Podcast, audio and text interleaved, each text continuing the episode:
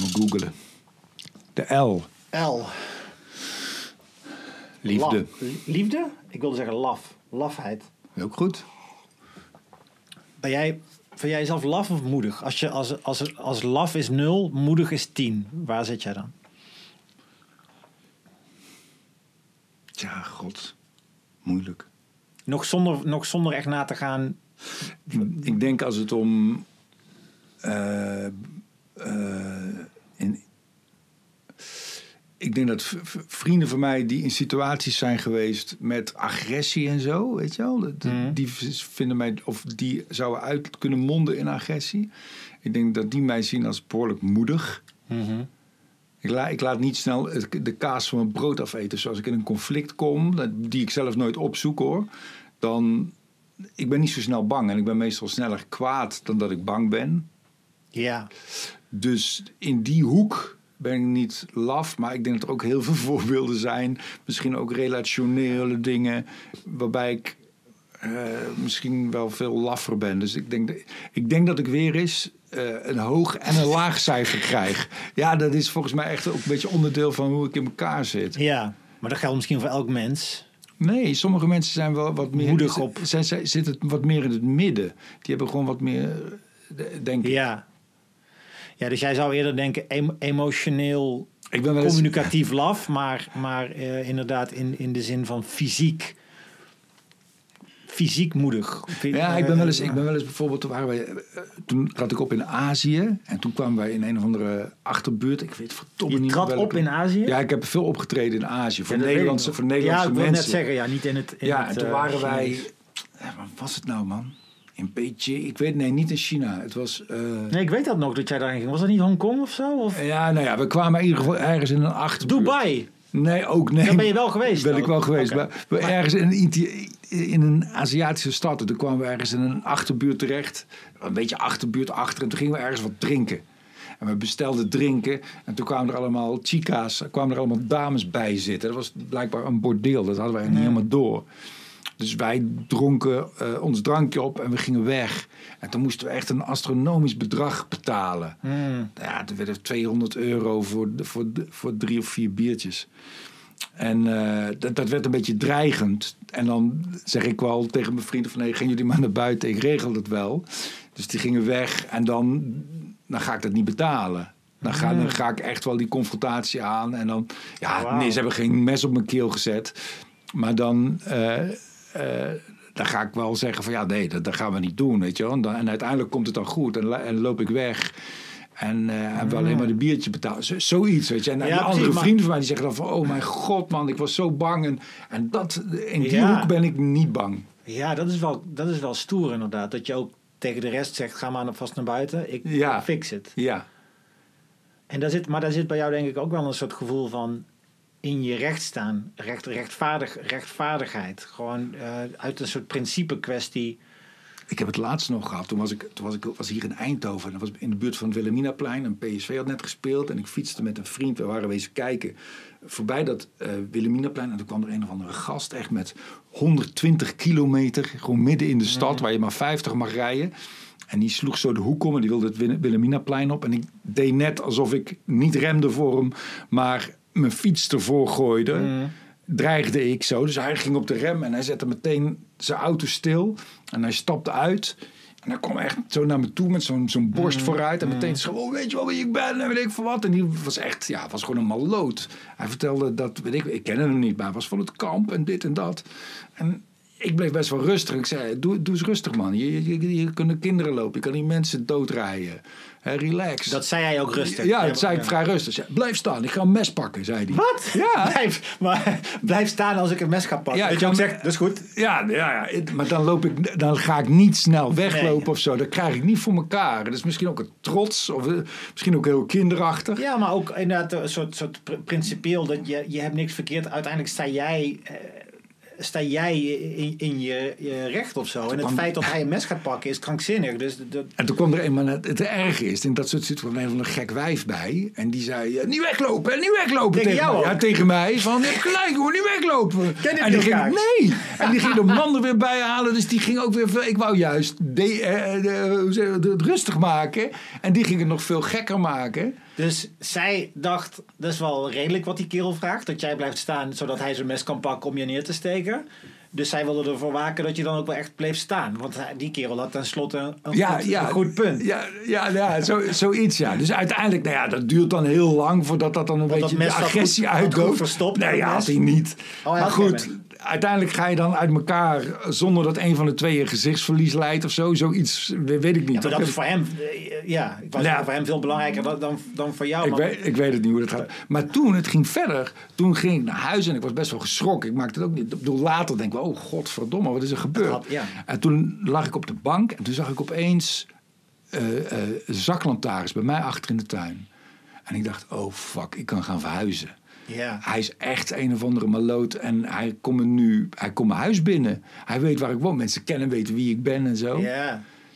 En eh, eh, toen ging ik toch een beetje kijken. Toen, waren, toen was het politie die bij onze buren moesten zijn. Omdat ze geluidsoverlast hadden. was er helemaal niks aan de hand. Maar goed, Ja. dan, als ik in zo- dat soort situaties kom, dan ben ik niet zo snel af. Maar dat, er zijn ook allemaal verhalen en die wil ik nou niet vertellen.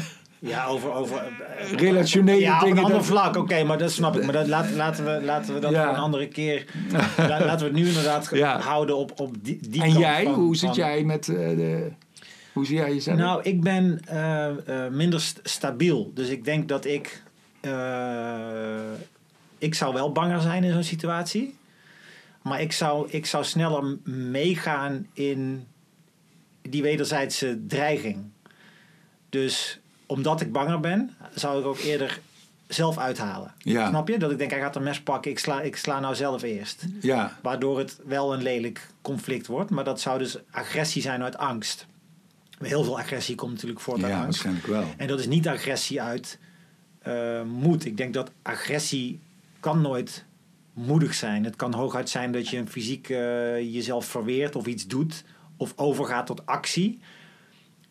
Om het moment te redden. Of om iemand te redden. Of om, weet je? Dus dan is dat, dan is dat geen agressie. Agressie is, nou doe ik zelf iets. En dus dat, dat zou ik eerder hebben. Ik ben heel gevoelig voor dat soort m- machismo. En, en ook de angst die hij natuurlijk heeft. Want hij kan niet. Dat soort volk kan alleen maar zien. Dit is een conflict dat iemand moet winnen. De, Hmm. Er is geen enkel stemmetje in hem dat zegt: heb ik gelijk, heeft hij gelijk. Dat, dat doet er niet toe. Jij gaat een conflict aan. Remise En- voorstellen. en- Het zijn nee. niet de sporten waar ze van houden. Doordat jij doet wat je doet, of je dat gelijk hebben, is helemaal geen kwestie. Nee. Het gaat er alleen om wie wint dit Ja, conflict. En eh, dus de, de beste manier is uiteindelijk toch, denk ik, wat jij deed. Eh, ook al ging hij dan alsnog zijn mes halen, zei die. zei hij. Ehm, maar dat, dat rustige deescaleren en, en niet, maar toch niet over je heen laten lopen.